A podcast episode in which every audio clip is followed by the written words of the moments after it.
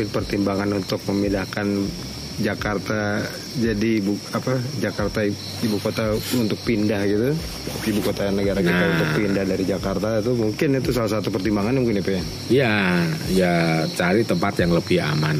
Dan sebenarnya ini merupakan suatu pertanda juga bahwa Indonesia di masa depan ya untuk menyongsong kejayaan juga. Kalau kita melihat secara spiritual akan menarik sekali. Kenapa pindah di Penajam di Pulau Borneo ya? Ya kalau kita melihat Borneo itu kan seperti Semar. Kalau dilihat dari atas, Semarang ngadap ke timur. Terus kemudian tepat di daerah mana itu Hmm, Samarinda, Samarinda sampai ke mana itu eh, Kute Timur. Iya. Itu kan seperti ini apa balik papan ya, mulai dari balik papan itu kan seperti jari yang nelut nunjuk gitu. Oh. Terus kemudian sampai ke Tarakan dan itu kan bagian kepala. Nah ini memang menarik sekali. Artinya kejayaan Nusantara ini kan memang tidak terlepas dari eh, supernatural being atau supernatural power yang banyak diyakini dan familiar bagi orang Jawa, yakni Eyang Sabda Walon dan Wayo Gingkong sebagai pamomong nungso Jawi kan begitu saya punya kisah yang luar biasa itu berkaitan dengan penajam dan menjadi ibu kota. Gimana tuh? Jadi ceritanya ya ini 11 tahun yang lalu, berarti sekitar tahun 2010 sebelum Merapi meletus besar ya. Ya kita waktu itu kan intensif kita kerja sebagai konsultan dan apa namanya mendampingi Pak Bupati untuk mengembangkan daerah tertinggal, membangun daerah di wilayah Kute Timur, di, di wilayah Sangatta, kemudian di Bulungan ya Kalimantan Utara. Nah jadi waktu itu ya kita intensif sekali untuk selalu sowan ke leluhur-leluhur besar di sana, termasuk di antaranya itu adalah Yang Mulia Sultan Haji Sulaiman, Sultan Solahuddin ya dan beliau banyak membimbing mengarahkan kita itu untuk bekerja di sana terutama waktu itu ya menyelamatkan aset negara untuk Kabupaten Kute Timur aja waktu itu lebih dari 50 triliun itu yang hampir diacak-acak tapi karena kita upayakan kita perjuangkan akhirnya itu ya bisa diselamatkan ya. Waktu itu yang mulia Sultan Haji Sulaiman itu memerintahkan untuk menancapkan bayonet. Panjang bayon bayonetnya kalau di ini hampir 40 cm dan bayonet yang bagus harus yang bajanya yang ada seri apa itu yang banyak yang terbagus ya kan tidak semua baja itu kualitasnya nomor satu. Supaya yang paling bagus. Jadi waktu itu kita berangkat ke Penajam malam sekitar jam 9 malam. Jadi sudah tidak ada kapal tidak ada perahu yang melewati teluk Balikpapan menuju ke Penajam itu kan ada teluk yang ada muara sungai juga di situ. Iya. adanya cuman perahu katinting yang cuman kecil itu. Iya. kecil yang muat antara 2 sampai 4 orang lah paling banyak tapi ya enggak apa-apa lah adanya itu kita sewa. Sewanya tentu saja juga mahal waktu itu ya karena udah malam. Dan kebetulan ombaknya juga baru pasang. Jadi waktu kita nyebrang itu wah ya ngeri sekali ya karena katinting itu kan nggak pakai lampu. Oh, Uh, cuman apa ya lampunya kecil banget. Hanya penanda kalau ini ada Perahu. perahu yang jalan gitu aja. Nah kita dari situ meluncur ke penajam ya kalau kayak gitu kan katinting itu kan gaspol remblong ya nggak pakai rem nggak pak pokoknya gas injek pol. Jadi kita itu loncat-loncat itu ya ombaknya kan tinggi. Jadi kita loncat-loncat kalau nggak pegangan gitu bisa kelempar. Itu sama mami. Berdua bawa bayonet. Nah, waktu waktu kita menjalankan perintah yang mulia Sultan Haji Sulaiman untuk menancapkan bayonet di Penajam, kita tadinya mau pakai baju yang ada warna ungu, nggak boleh. Ternyata pantangan. Maka kita ganti yang coklat kombinasi kuning. Kalau kuning kan memang warna kebesaran di sana ya. Makanya ini warna-warna ini juga kita harus menghafalkan betul ya kalau di Kalimantan itu warna ungu itu pantangan. Maka kita jangan pakai warna ungu lah seperti kalau di pantai selatan ya warna hijau, hijau pupus, hijau muda itu pantangan ya, kita sebisanya menghindari. Karena itu ya pamali. Hmm. Setelah kita sampai Penajam, kita masih jalan darat, sudah ada yang teman yang jemput di darat itu kita pakai double cabin 12 ke suatu tempat di mana ini nanti bayonet ini akan menancap. Jadi kita hanya mengikuti aja memegang bayonet di mana ini nanti dia seperti ngajak jalan gitu kan ada power ini. Jadi power ini kan udah yang mengarahkan beliau yang mulia Sultan Haji Sulaiman. Perjalanan darat satu jam lebih lah sampai ke suatu lokasi akhirnya kita gali dan kita tancapkan tapi runcingnya di atas bukan Oh. ke bawah tapi ke atas ya kita udah bawa peralatan untuk menggali ya itu kayak linggis gitu udah kita tancapkan selesai kita pulang lagi. Sampai balik papan itu ya kira-kira udah jam 3 hampir jam 4 pagi. Dan pulangnya ombaknya masih besar ditambah bonus hujan gerimis. Ya, jadi ya mantap ya. dan waktu itu nggak pakai ini ya alat keselamatannya juga nggak memadai bahkan kita nggak pakai pelampung juga. Oh. jadi kalau oling jempale ya wes renang saisone. gitu sak kuate jadi karena memang nggak dibawain rompi rompi apa? ya life vest itu nggak nggak ada. Kita udah menjalankan tugas dan beliau yang mulia Sultan Haji Sulaiman hanya ngendiko hanya menyampaikan informasi begini. Itu nak yang kau tancapkan di sana. Supaya nanti suatu saat kemakmuran akan pindah ke sana. Hmm. Kita pikir kemakmuran apa ini ya gitu kan. Ya mau tanya mau kepo lebih dalam lagi kan nggak enak kan leluhur udah ngasih informasi gitu aja kita udah. Terima kasih sekali. Yang penting kita jalankan apa yang menjadi perintah leluhur itu sebagai bentuk bakti kita. Iya. cuman beberapa tahun yang lalu ketika orang ribut mikir perpindahan ibu kota ke Kalimantan Tengah kita inget wah iya ya jangan-jangan ini Hmm. maka waktu itu ya udahlah kita langsung kontak ngobrol dengan orang nomor satu di Kaltim kita ngobrol mbok ini diajukan saja gimana Untuk jadi ibu kota. untuk jadi ibu kota. Tadinya juga nggak kepikiran karena apa? Ya Kalimantan Tengah kan udah kenceng banget, udah kayak mau jadi di situ kan. Nggak nyangka waktu itu. Begitu ya, tapi coba siapa tahu lolos. Begitu diajukan ternyata respon cepat dan lolos. Nah kita baru menyadari oh ini toh yang dimaksud leluhur 11 tahun yang lalu kemakmuran seperti ini. Ya mudah-mudahan itu memang menjadi suatu pertanda bahwa kejayaan Nusantara ini akan kembali.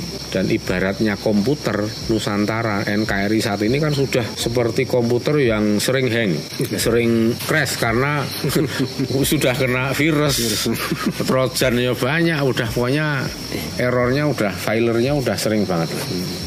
Ini karena ada pengaruh-pengaruh penyakit-penyakit yang datang dari luar maupun dari dalam. Iya, iya. Ya akhirnya ya komputer yang seperti itu kan harus di reset mas. Reset itu artinya apa ya? Mengulangi semua dari awal. Oh, Nah sekarang kalau kita mikir Nusantara ini awalnya mana? awalnya. Hmm. Awalnya. Kerajaan tertua yang tercatat Kutai. dalam sejarah ya ta- Kutai. katakanlah Kutai. Sejak Raja Kudungga, Kudungga betul. ya kan? Akhirnya punya putra yang kemudian menjadi ada Aswawarman, Mulawarman, Purnawarman kan? Hmm. Aswawarman yang di Sumatera, kerajaan-kerajaan besar di sana, kemudian Mulawarman yang di wilayah Jawa Barat termasuk ke Prabu Siliwangi apa itu, kemudian Purnawarman yang ke Jawa Tengah, Jawa Timur kan gitu. Yaitu awal mula terbentuknya Nusantara kan kita bisa melihat dari rentang waktu dan wilayah Jadi kayak mengembalikan meriset orang mengembalikan. Iya, kita mau dandani Nusantara dari awal lagi nih ceritanya gitu. Ya kita riset ulang so gitu ya bisa nyambung. dari Borneo lagi, apalagi ini kalau di bawah momongan yang Sabdo Balon ya, ya Pulau Borneo itu sudah seperti lambang atau melambangkan Semar. Semar. Ya kita kalau utak adik gadok ya akhirnya gadok dan ketemu benar seperti itu. Dan kalau kita lihat seperti itu ya masuk akal, gitu kan? Nggak ngoyoworo banget lah, nggak apa ngerangkai cerita yang terlalu memaksakan diri kan? Iya. Nggak juga. Ya masih enak lah didengar gitu. Seperti itu. Dan kita lihat ada yang namanya siklus kejayaan di Nusantara. Hmm. Gimana tuh? Abad ketujuh apa yang terjadi? Kejayaan Mataram kuno mulai bangkit, Iya. ya kan? Dimulai dari kerajaan mana tadi? Kudungga, terus di Jawa Medang. Dan akhirnya sampai ke abad ketujuh Wangsa Sailendra Iya.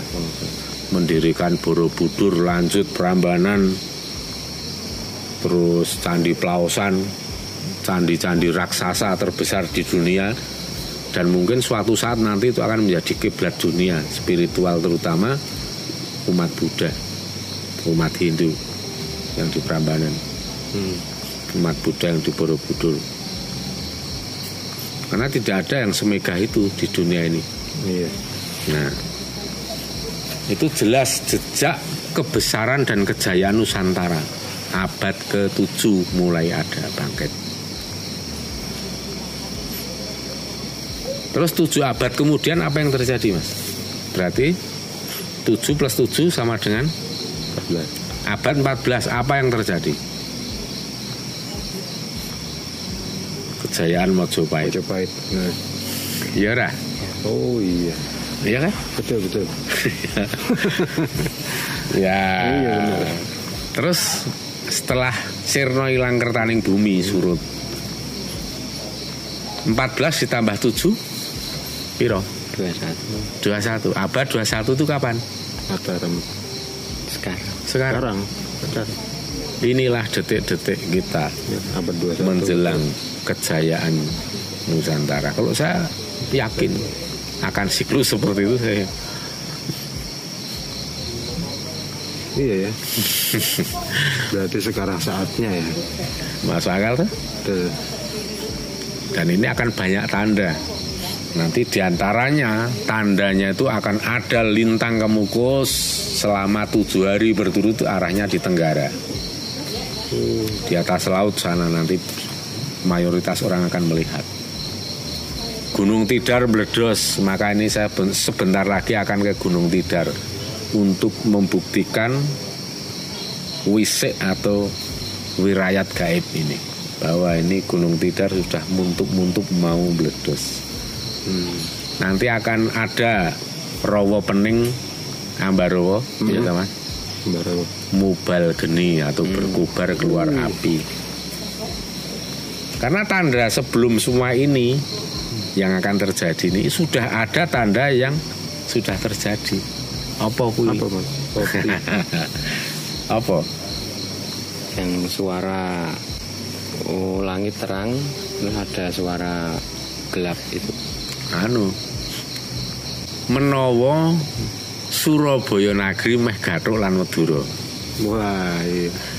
Itu yang ada Suramadu Jadi Suramadu ya, itu. Iya kan? hmm, Surabaya meh gathuk. Meh itu ya karena ya sakjane wis sudah Ga- ah, udah menyambung tapi karena bukan menyambung pulaunya tapi disambung oleh jembatan. pembangunan jembatan itu. Ini kan wis gathuk. Itu ada di tertera di Serat Jongko Jayabaya ada. Surabaya Nagri meh gathuk lan Madura. Madura Nagri.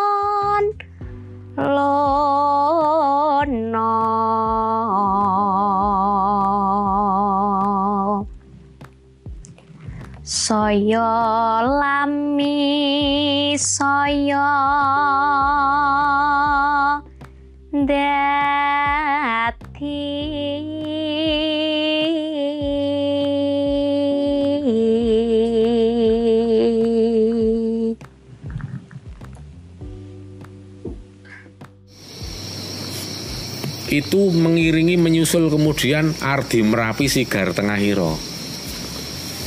Gunung Merapi terbelah di tengahnya. Wis terbelah sudah, sudah. tapi belum sempurna. Artinya dinding sisi utara itu belum sigar. Tapi sigarnya sudah separuh lebih ke arah tenggara.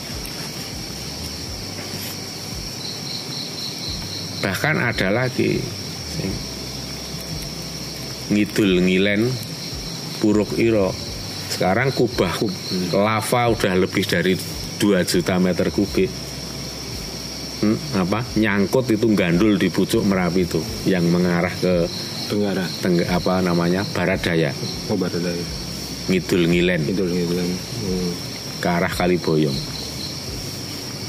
Tapi ada juga serat jongko yang menyebutkan ngidul ngetan mili toyo lahar.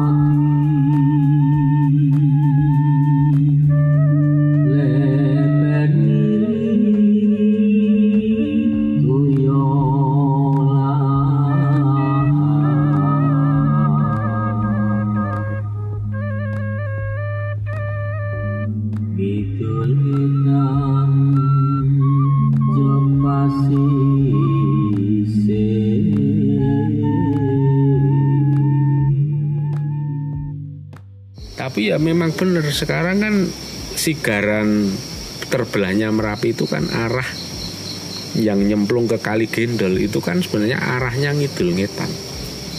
Jadi ada dua pertanda itu sudah terpenuhi dan hampir akan disempurnakan tanda itu. Dan mungkin jika nanti dalam waktu yang tidak lama lagi Merapi meletus, ya, itu akan menyempurnakan si garing Ardi Merapi, terbelahnya Gunung Merapi dari tenggara atau selatan sampai ke utara. Makanya sedulur-sedulur yang ada di daerah Selo jangan pernah menyepelekan bahwa Merapi tidak akan meletus ke utara. Jangan pernah menyepelekan. Karena ini Merapi kalau meletus walaupun sudah digembosi oleh Ki Ageng Mangir ya setiap saat tapi karena saking besarnya daya dan potensi letusan itu sebenarnya besar. Merapi juga dua punya kantong magma besar. Kalau sampai meletus besar ini juga nanti arahnya akan ke segala penjuru dan yang paling dominan memang barat daya. Inilah semua pertanda. Maka dari itu sebelum atau pada saat proses memasuki fase itu alam semesta ini sedang dilakukan kalibrasi. Ya kalibrasi itu seperti halnya meriset. Nek komputer di reset, kalau timbangan tata keseimbangan alam ini, hukum tata keseimbangan alam ini ya harus dikalibrasi. Seismograf, timbangan itu kan perlu dikalibrasi. Kompas, ya kan GPS semua dikalibrasi kan kalau HP ya kalibrasinya angka 8 gini tapi kan harus goyang Iya.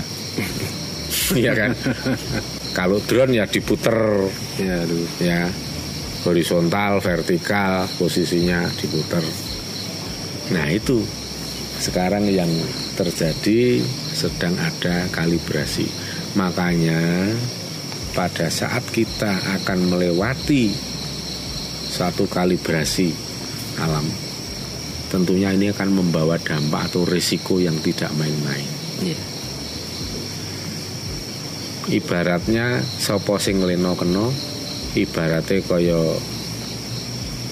alame lagi digaru supaya kita itu luput dari seleksi alam itu ya banyak cara harus kita lakukan. Di antaranya ya kita gemar tirakat mendekatkan diri ke alam semesta ke lingkungan alam. DDP Sumende mendekatkan diri pada leluhur. Nggih. ya sekarang ini? Ya Mas Pandu dari Jakarta Mas Fatan dari Semarang jauh Jauh. itu sudah menjadi nilai lebih dari tirakat itu sendiri dan kita di mana sekarang Sekarang Astana Giri Layu. Iya, Astana Giri Layu. Sih. sekarang jam berapa Sekarang jam seteng, jam 3 kurang hmm. 15. sudah ngantuk belum Belum. Belum ngantuk. Ya memang kita niatnya itu untuk cegah lek. Eh apa? Untuk cegah guling. Ce- cegah nendro cegah turu. Jadi kita memang tirakat untuk banyak melek. Ya begini sambil prihatin. Bekteni leluhur. Mendekatkan diri dengan alam. Dengan begini kita juga akan lebih terasa alam ini sedang diam sedang apa. Ada getaran di tanah juga kita merasa. Bahkan di daerah-daerah yang rawan terjadi gempa tsunami. Kalau saya boleh sarankan ya panjenengan bisa tidur saja di lantai. Beralaskan apa namanya alas yang jangan terlalu tebal karena itu akan jauh lebih peka. Kita tempelkan telinga di dekat lantai. Kalau ada getaran di tanah itu sudah akan terasa dulu karena biasanya sebelum terjadi gempa pun akan ada suara gemuruh dari dalam tanah. Kalau agak besar ya biasanya ada kayak suara truk gandeng truk tronton mau lewat gitu kan. Itu udah pengalaman waktu dulu gempa Jogja bertubi-tubi. Ada susulan berkali-kali sekian hari setelah gempa. Itu ya selalu diawali dengan suara-suara gemuruh seperti itu. Kita selalu tidur di luar rumah karena kalau dalam rumah takut kena reruntuhan kalau terjadi gempa susulan. Iya, iya. karena gempa ini sebenarnya tidak mematikan sama sekali. Wong cuman goncangan ya. Iya. Iya kan? Panjenengan aja sering membuat goncangan lebih dari 9 skala Richter kan? Goncangan lokal itu. Mm-mm, tapi kan tidak apa-apa. Yang membuat mati itu kan runtuhnya bangunan dan trigger efek berupa tsunami tanah longsor. Nah itu. Dan kalau nanti terjadi gempa untuk melihat apakah akan atau masih ada sisa energi yang bakal menjadi gempa itu ya coba lihatlah. Setelah terjadi gempa besar jika langsung turun hujan deras aman. Kalaupun ada susulan susulannya kecil. Tidak membahayakan kecil karena induksi tektoniknya tidak mampu mempengaruhi atau menggagalkan pembentukan awan hujan. Tapi kalau akan terjadi sama lebih besar atau sedikit lebih kecil, biasanya hujan pun belum mau turun. Hawa masih panas sekali. Itu hati-hati. Walaupun sudah gempa besar, jika masih terasa seperti itu hati-hati. Karena ya 80-90% susulan masih ada. Karena kita peka ya, Pi ya. Dan mencermati alam itu ya. Iya, karena kalau setelah gempa besar belum turun hujan itu berarti masih ada induksi tektonik yang menggagalkan terbentuknya awan hujan. Berarti kan energi induksinya ini besar banget. Kalau rilis menimbulkan gempa yang masih sangat kuat. Karena kalau gempa susulannya tinggal kecil-kecil hanya sisa-sisa yang kecil aja itu nggak akan mampu menggagalkan hujan. Itu rembulannya mulai kelihatan. Mas. Bulan sabit dari Sabit. arah timur itu begini. Wah, Ya, begitu aja nanti kita sambung ngobrol-ngobrol lagi. Kita tirakat malam ini. Ngobrol-ngobrolnya kita cukupkan sampai jam hampir jam 3 ini. Mudah-mudahan ini ya bisa menjadi bahan pelajaran untuk kita semua ya. Saling asah-asih asuh. Kita tidak pernah merasa menjadi guru, tapi semangat kita selalu menjadi murid di mana pun karena dengan menjadi murid itu kita akan terus belajar sepanjang waktu dan kita tidak menjadi orang yang stuck, orang yang mandek karena orang yang mandek itu akan semakin bodoh. Maka tetap semangatlah untuk selalu menjadi murid di mana pun bahkan terhadap anak kecil pun kita harus rela untuk menjadi murid. Karena setiap orang pasti punya pengalaman yang berbeda. Dari perbedaan pengalaman itulah yang menjadikan guru bagi kita. Kan begitu kan? Iya. Pesan satu pesan. Jika sewaktu-waktu dipaksa kudu dadi guru ya harus siap, harus mau, harus rela, jangan pelit ilmu. Karena apa? Sekalipun kita punya semangat selalu menjadi murid, tetapi kita pun sebenarnya akan menjadi guru bagi orang lain yang belum pernah mengalami apa yang kita alami.